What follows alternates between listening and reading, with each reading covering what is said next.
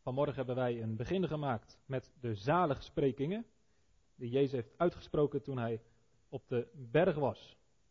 En in deze zaligsprekingen maakt Jezus duidelijk dat de burgers van het koninkrijk werkelijk gelukkig zijn. Zij hebben een geluk wat niet afhankelijk is van omstandigheden, maar een innerlijke blijdschap en vrede die door God zelf is gegeven. Waarom zijn zij zo gelukkig? Nou, dat kun je lezen in al die beloften die zijn gedaan. Ze zullen vertroost worden, ze zullen de aarde beërven. Dat maakt allemaal duidelijk wat nou de burgers van het koninkrijk, wat elke christen gelukkig maakt. Nu is er een klein uh, dingetje wat een beetje ingewikkeld is. En dat is wat ertussen staat. Want Jezus geeft een typering van de burgers van het koninkrijk. En een vraag die uh, boven kan komen, misschien vanmorgen ook wel is bovengekomen, is uh, hoe verhoudt zich nou het feit dat mensen zo zijn zich tot de belofte? Is het een voorwaarde? Moet je eerst weten, ik ben arm van geest, om vervolgens te kunnen zeggen, oké, dus ik hoor bij het koninkrijk van hemel. Moet je eerst zeggen, treur ik wel voldoende? Want alleen als ik voldoende treur, dan zal ik vertroost worden. Moeten wij de zaligsprekingen lezen als een stel voorwaarden? Wil Jezus dat we eerst kijken van ben ik zo, om dan vervolgens de belofte op ons toe te passen? Nou, zo zijn de zaligsprekingen niet geformuleerd. Het zijn geen voorwaarden. En tegelijkertijd zijn het wel dingen die nodig zijn. En dat maakt het een beetje complex. Je zou kunnen zeggen, om een christen te worden, om, burger, om een burger te worden van het koninkrijk, is er helemaal geen voorwaarde. De enige voorwaarde is dat we ons bekeren tot God en ons vertrouwen stellen op de Heer Jezus. Dat we werkelijk een discipel worden van de Heer Jezus.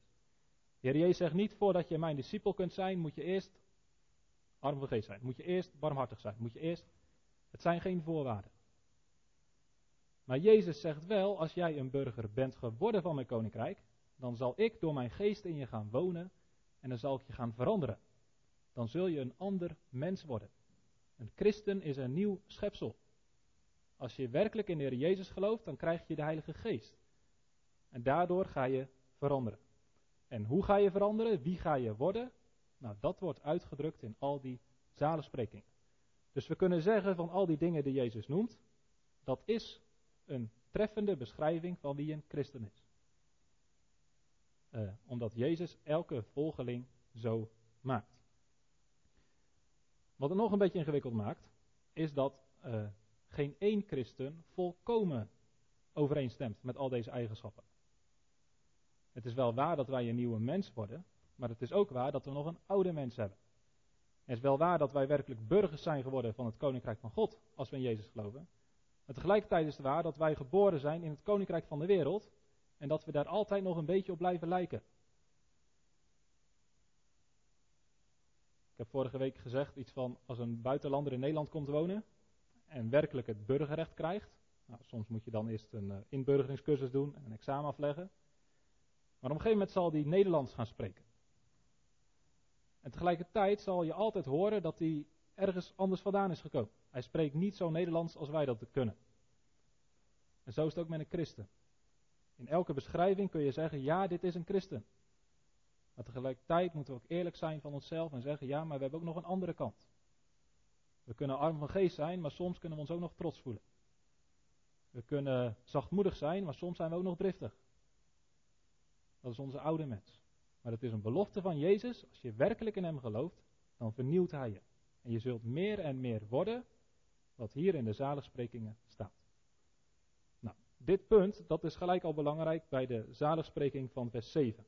Zalig zijn de barmhartigen, want aan hen zal barmhartigheid bewezen worden. Als je deze tekst eruit haalt, dan kun je hem zo interpreteren, zo lezen, van alleen als jij barmhartigheid bewijst aan anderen, dan zul je van God barmhartigheid ontvangen. Is dit een voorwaarde? Nou, we moeten misschien eerst weten wat barmhartigheid ontvangen betekent. Het woord uh, barmhartig, dat heeft te maken met erbarmen, met ontfermen. God is barmhartig. Staat heel vaak in de Bijbel. Dat betekent dat hij onze problemen ziet. En dat hij dat erg vindt. En daar iets aan wil doen. Barmhartigheid heeft altijd te maken met mensen die in de problemen zitten. En iemand die dat erg vindt en dat wil oplossen. Nou, het probleem waar wij als mensen in zitten is de zonde. En dat we door de zonde verloren gaan. En God is vol barmhartigheid. Efeze 2 zegt, hij is rijk in barmhartigheid. En in zijn grote barmhartigheid heeft hij de Heer Jezus naar de aarde gezonden. Die ook vol barmhartigheid was. We lezen heel vaak dat Jezus met innerlijke ontferming was bewogen. Zo is God. Maar is hij dat alleen voor mensen die ook barmhartig zijn? Moeten wij dit zo lezen? Zalig zijn de mensen die barmhartigheid bewijzen, want God zal hun barmhartig zijn. En als je niet barmhartig bent, dan zul je zelf ook geen barmhartigheid krijgen. Dan is het een voorwaarde. Nou, zo moeten we het niet lezen. Tegelijkertijd, ik maak het heel ingewikkeld, maar probeer het te volgen. Tegelijkertijd is het wel noodzakelijk dat wij barmhartig zijn.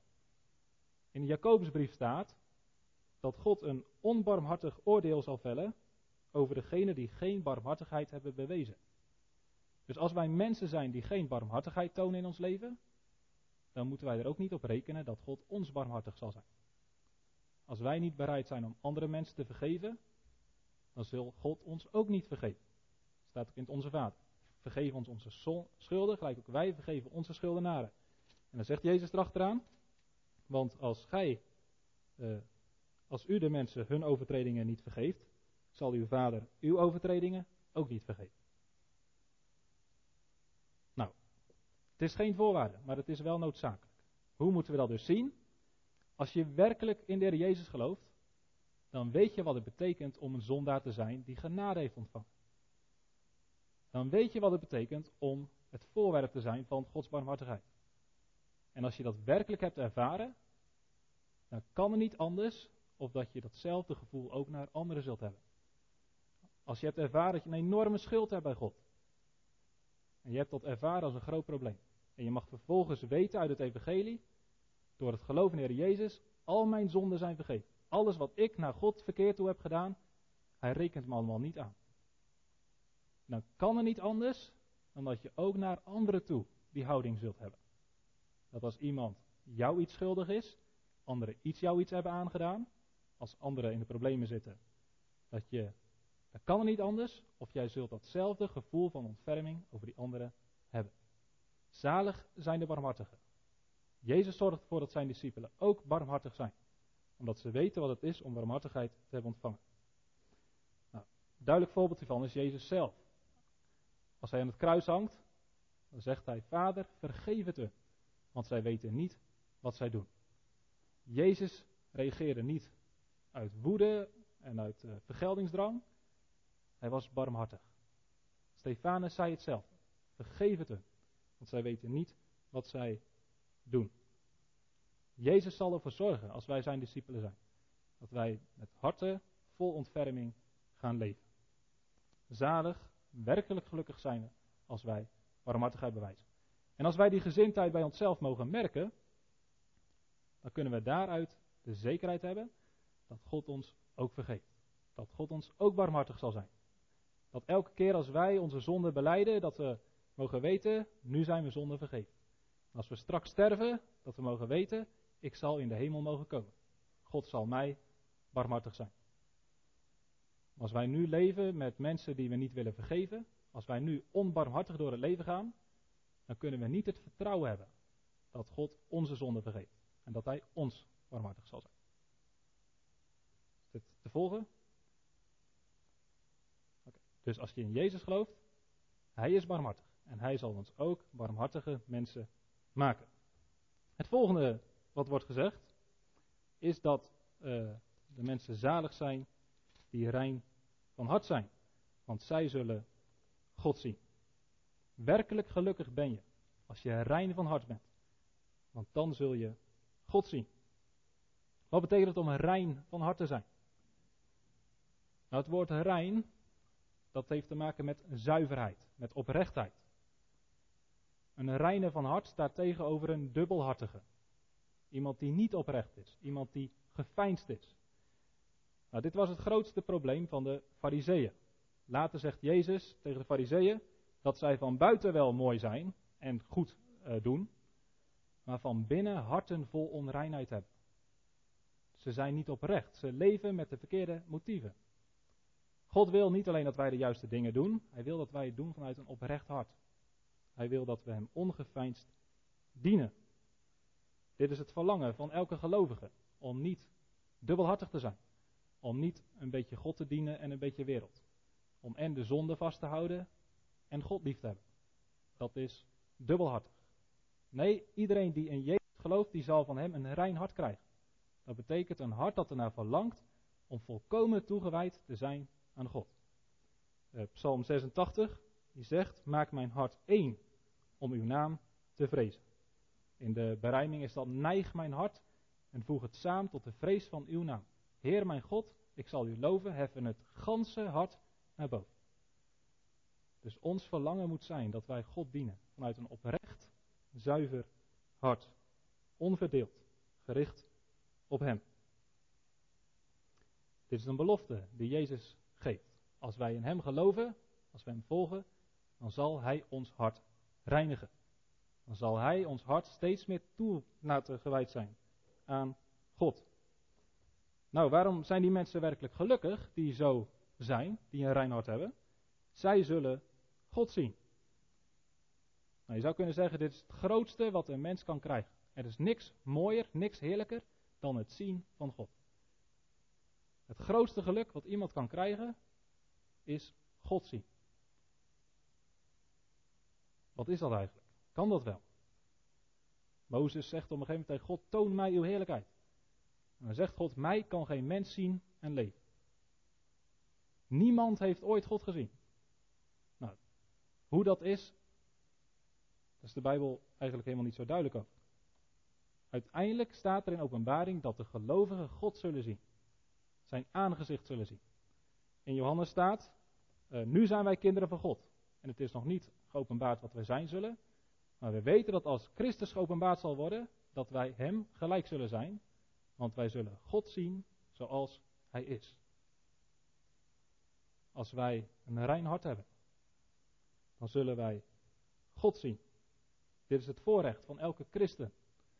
Straks in de hemel volmaakt. En nu op aarde al een beetje. Nou, misschien moeten we het zeggen, op aarde is het als je Gods nabijheid ervaart. Als je iets merkt dat Hij er is. En dat Hij je zegent. Dan zie je God. Niet letterlijk, maar je ervaart God. En dat is de grootste vreugde die een mens kan krijgen. Dan hebben we de volgende zalig spreken. Zalig zijn de vredestichters, want zij zullen Gods kinderen genoemd worden. De burgers van het koninkrijk zullen vredestichters zijn. Dat zijn geen mensen die ruzie zoeken. Dat zijn geen mensen die oorlog maken. Dat zijn geen mensen die geweld gebruiken. Misschien zegt Jezus dit wel ook richting de Joden die dachten dat het koninkrijk van God ook zou komen met een leger. Nou zegt Jezus, mijn koninkrijk komt niet door geweld. Ik ben van een ander koninkrijk. Mijn koninkrijk bestaat uit vredestichters. God zelf is de God van de vrede. En hij heeft zijn zoon naar de Heer Jezus, Heer Jezus naar de aarde gestuurd als de vredevorst. Waarom? Om vrede te sluiten. Om mensen met zichzelf te verzoenen. God is de God van de vrede. God wil dat wij vrede met Hem hebben. En het bloed van de Heer Jezus Christus maakt vrede tussen ons en Hem.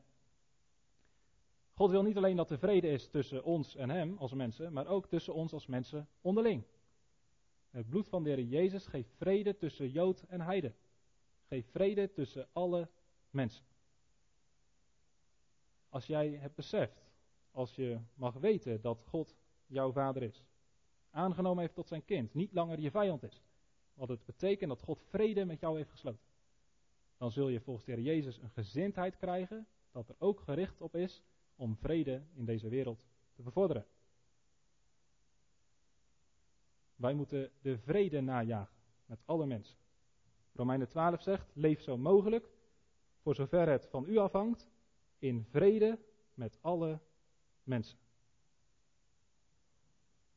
De discipelen van de Heer Jezus, wij als christenen, mogen vredestichters zijn. Nou, hoe belangrijk is dat in een wereld waar mensen egoïstisch zijn, trots zijn, eer zoeken, macht zoeken, waaruit alle conflicten, ruzies en oorlogen ontstaan. Deze wereld heeft vredestichters nodig. Mensen die bereid zijn vrede te sluiten en de vrede van anderen te bevorderen. En als wij zo zijn, dan staat er, dan zullen wij Gods kinderen genoemd worden. Kinderen lijken op hun vader. En als God een God van de vrede is, en de Heer Jezus ons tot zijn kinderen aanneemt en ons ook verandert, dan zullen wij vredestichters zijn en dan zullen wij ook als Gods kinderen herkend worden. Als wij vredelievend zijn en de vrede zoeken, dan zal daarin blijken dat wij kinderen van God zijn. We zullen niet alleen zo genoemd worden, als de Bijbel dat zegt, dat je zo genoemd wordt, dat betekent dat je dat ook werkelijk bent. Waarom zijn vredestichters werkelijk gelukkig? Waarom zijn de burgers van het koninkrijk werkelijk gelukkig? Omdat ze werkelijk kinderen van God zijn. Dan komt de laatste zaligspreking. En dit is misschien de meest vreemde. Zalig zijn zij die vervolgd worden om de gerechtigheid. Hoe kun je nou werkelijk gelukkig zijn als je vervolgd wordt? Nou, deze zaligspreking die zegt, als je vervolgd wordt om de gerechtigheid, dan is ook van jou het koninkrijk der hemelen. Deze zaligspreking heeft precies dezelfde belofte als de eerste zaligspreking. Ook in de eerste zaligspreking, vers 3 stond, zalig zijn de armen van geest, want van hen is het koninkrijk der hemelen. Dus de eerste zaligspreking en de laatste zaligspreking hebben dezelfde belofte. Dat betekent dat dit allemaal met elkaar te maken heeft. Dat als je een kind van God bent, een burger van het koninkrijk, dan begint het dat je zalig bent omdat je arm van geest bent, maar je bent ook zalig omdat je vervolgd wordt. De vorige zaligsprekingen die hebben allemaal te maken met wie wij zijn en hoe wij doen. Vervolgd worden is iets passiefs. Dat overkomt je. En het is als het ware dat Jezus zegt: als je werkelijk bent wie ik wil dat je bent, als je werkelijk leeft als een burger, dan zul je ook te maken krijgen met vervolging. Zalig zijn zij die vervolgd worden om de gerechtigheid. Om de gerechtigheid, dat laat zien, het is niet zomaar verdrukking. Het gaat er niet om dat je als christen last hebt van welke moeite ook. Nee, dat je lijdt omdat je een burger bent van het koninkrijk. Dat je lijdt omdat je op Jezus lijdt. Dat je lijdt omdat je leeft zoals Jezus het van je vraagt. En Jezus zegt, je bent zalig. Je bent werkelijk gelukkig als je daarom vervolgd wordt. Nou, dat vraagt natuurlijk om uitleg. Hoe kan dat? En uh, het is de enige zaligspreking die daarom ook een uitgebreide toelichting krijgt. Vers 11 en 12, dat kun je lezen als een extra uitleg bij wat er in vers 10 staat. Jezus past deze zaligspreking heel specifiek toe op zijn eigen discipelen. In het algemeen zegt hij, geldt voor alle burgers van het koninkrijk, dat ze te maken zullen krijgen met vervolging. Ik pas dit nu toe op jullie. Zalig zijn jullie, zalig bent u, als men u smaadt en vervolgt. En door te liegen allerlei kwaad tegen u spreekt, omwille van mij. Als er iets is waar de Heer Jezus duidelijk over is geweest, dan is het over dit punt. Dat als je de Heer Jezus werkelijk wil volgen, dat je moet voorbereiden op tegenstand, op haat. Jezus zegt, zoals de wereld mij gehaat heeft, zo gaan ze jullie ook haten. Ja, waarom hebben ze Jezus gehaat? Wat heeft Jezus verkeerd gedaan? Wat was de reden waarom de wereld zo'n hekel had aan Jezus? Omdat Jezus zo goed was. De mensen hebben zoveel moeite gehad met Jezus, omdat Jezus werkelijk rechtvaardig was. Omdat Jezus werkelijk zachtmoedig was. Omdat Jezus werkelijk barmhartig was. Omdat Jezus volkomen was. En Jezus zegt, als je bij mij hoort, als je mijn discipel bent, dan ga je steeds meer op mij lijken. En dan zal de wereld er precies hetzelfde op jou reageren als ze op mij heeft gereageerd. Nou, de discipelen hebben dit ervaren. De discipelen hebben ervaren al in handelingen heel snel dat ze keihard tegenstand kregen. Dat de mensen niet blij waren met hun getuigenis. Maar dat ze werden tegengewerkt. Ze werden gesmaad, ze werden vervolgd. Er werd kwaad over hen gesproken. Omwille van Jezus. Herkennen wij dit? We kunnen natuurlijk bij elke zaligspreking afvragen. Is dit nou ons leven? Is dit praktijk? En misschien niet volkomen, maar is dit ons verlangen? Is dit onze gezindheid? Staan wij zo in het leven? Nou, en bij deze zaligspreking ook. Hebben wij te maken met mensen die ons smaden en vervolgen? Niet omdat we een vervelend karakter hebben, omdat we niet tactisch zijn geweest, maar werkelijk omdat wij zijn wie Jezus wil dat we zijn. Is dit herkenbaar of hebben we dit gewoon niet in, in, in Nederland, in het Westen? Volgens mij is er geen moment in de wereldgeschiedenis waar zoveel lijden was onder christenen als vandaag de dag. Christenvervolging is nooit zo intens, zo hevig geweest als nu. Wij lijken de dans een beetje te ontspringen. Of niet? Hoe komt dat? Nou, misschien hebben wij gewoon een bevoorrechte positie in het Westen. Heeft te maken met de geschiedenis, dat Europa christelijk was. Maar het kan ook een keerzijde hebben. Misschien heeft het er wel mee te maken dat wij niet werkelijk zijn wie wij zouden moeten zijn. Lijken wij wel voldoende op Jezus? Leven wij wel zoals Jezus van ons vraagt? En ik denk dat we allemaal merken, misschien niet dat we in de gevangenis worden gegooid, maar als je werkelijk een discipel van Jezus bent en je gaat leven zoals Hij dat van je vraagt, dan ga je merken dat mensen daar aversie tegen hebben. Dat mensen dat gaan tegenwerken. Dat is pijnlijk. En je zou zeggen, hoe kan dit nou iemand werkelijk gelukkig maken? Nou zegt Jezus, verblijd je en verheug je. Zo moet je ermee omgaan. Als mensen lelijk over je spreken, als mensen je niet mogen, als mensen je vermijden, als mensen weet ik veel wat met je doen, omdat je op mij lijkt, omdat je mij volgt, dan moet je je verblijden en verheugen. Nou, je denkt dat is niet mogelijk. Nou, vanuit onszelf niet. Maar in handelingen wordt duidelijk dat het wel mogelijk is. Als je vervuld wordt van de Heilige Geest. Als Jezus in je woont en in je werkt. Dan is dit de reactie die je krijgt. In handelingen hebben we gelezen dat de apostelen werden opgepakt. Ze spraken over de Heer Jezus, die was gekruisigd en opgestaan. Heel veel mensen kwamen tot bekering en geloof. En diezelfde leiders, die vooral hadden gezorgd dat Jezus aan het kruis hing, die zaten nu met hetzelfde probleem. Hoe gaan wij niet Jezus stoppen, maar hoe gaan we deze mensen die Jezus verkondigen stoppen? En ze nemen apostelen gevangen. Ze gaan ze verhoren. En ze zeggen van jullie moeten niet hierover spreken, we stoppen jullie in de gevangenis. Nou, dan worden ze verlost door een engel en ze gaan gewoon weer verder. Wat kunnen ze doen? Nou, uiteindelijk hebben we gelezen dat ze zelfs gegezeld werden. En dan heel streng wordt gezegd, jullie moeten vanaf nu zwijgen. Nou, en dan is het zo bijzonder dat we aan het eind lezen dat ze zich verblijden.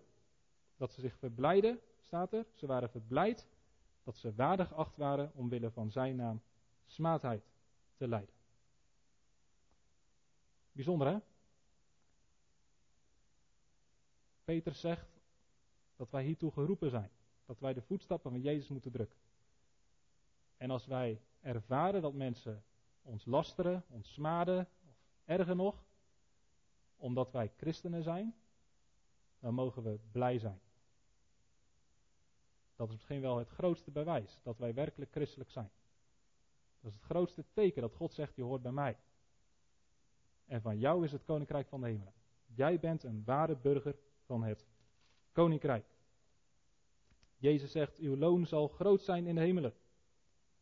Want zo hebben ze de profeten vervolgd die er voor u geweest zijn. Vervolging zelf is geen reden om blij te zijn. Elke verdrukking en laster en tegenstand is alleen maar een reden om te treuren. Maar als we kijken naar wat God belooft voor degenen die vervolgd worden, dan is het toch reden genoeg om blij te zijn. Er zal een groot loon zijn in de hemelen. Er was pas ergens dat iemand geweest was naar die plek waar die eh, mannen in oranje overal eh, waren onthoofd. Dat was toen ook eh, volop in het nieuws. IS die mensen onthoofde. En er was een heel rijtje met mannen in oranje overal. Niemand was er naartoe gegaan om te kijken hoe die mensen dat hadden beleefd en verwerkt. En tot zijn grote verbazing stond er een enorme kerk die was gebouwd ter ere van die mensen die onthoofd waren. En die nabestaanden die waren zo dankbaar dat die mensen die onthoofd waren hun geloof niet hadden verloochend. Maar dat ze bereid waren geweest om te sterven voor Jezus. Er was blijdschap en dankbaarheid. Dat zij het waard waren om voor Jezus te sterven. En zegt, de enige angst die wij echt hadden, was dat ze de Jezus zouden verloochenen. Nou, hij zei, ik was helemaal verbaasd, want dit, dit, dit kennen wij niet als christen in het Westen. Wij doen er alles aan om tegenstand en te vermijden. Maar als je kijkt naar de vroege kerk, als je kijkt naar heel veel landen waar vervolging is, het is ontzettend moeilijk en het is ontzettend zwaar. Maar mensen krijgen ook de genade, de kracht van de Heilige Geest, om hun zich erin te verblijden. Wij moeten ons eerder verbazen dat er geen vervolging is. Als je de Bijbel doorleest, Jezus verwijst naar de profeten. De profeten van het Oude Testament werden vervolgd. Waarom? Omdat zij de woorden van God spraken. Omdat zij het volk confronteerden met hun zonde. Ze werden vervolgd. Jezus werd vervolgd. Waarom? Omdat hij goed was. Hij was als een licht, wat scheen in de duisternis. Maar de duisternis die haat het licht. En ze hebben geprobeerd het licht te doven. De apostelen die hebben het licht voortgezet, laten schijnen. En dezelfde haat waarmee Jezus gehaat werd, keerde zich tegen de apostelen. Ze werden vervolgd. En zo kun je de geschiedenis doorgaan. En uh, laten wij bidden dat Jezus doorwerkt door zijn Heilige Geest in ons. Dat wij steeds meer mogen worden wat Hij zegt van degene die burgers zijn van zijn koninkrijk. En dan ook er rekening mee houden dat het leven niet makkelijk zal zijn. Dat we ons kruis op ons moeten nemen. En tegelijkertijd dat we ons daarin mogen verblijden. Want uiteindelijk is het goed om aan de kant van Jezus te staan. En in de hemel het loon te krijgen. Ik heb vanmorgen gezegd, misschien moeten we deze zaligsprekingen uit ons hoofd leren. Het zijn er acht. Dat is denk ik te doen. En dan bidden dat de Heer Jezus deze dingen in ons leven steeds meer waar zal maken. Als we groeien als christenen, dan groeien we in deze kenmerken. En als we hierin groeien, dan mogen we ons verheugen in al die beloften die erbij gegeven worden. Dan zijn we werkelijk gelukkig. Amen.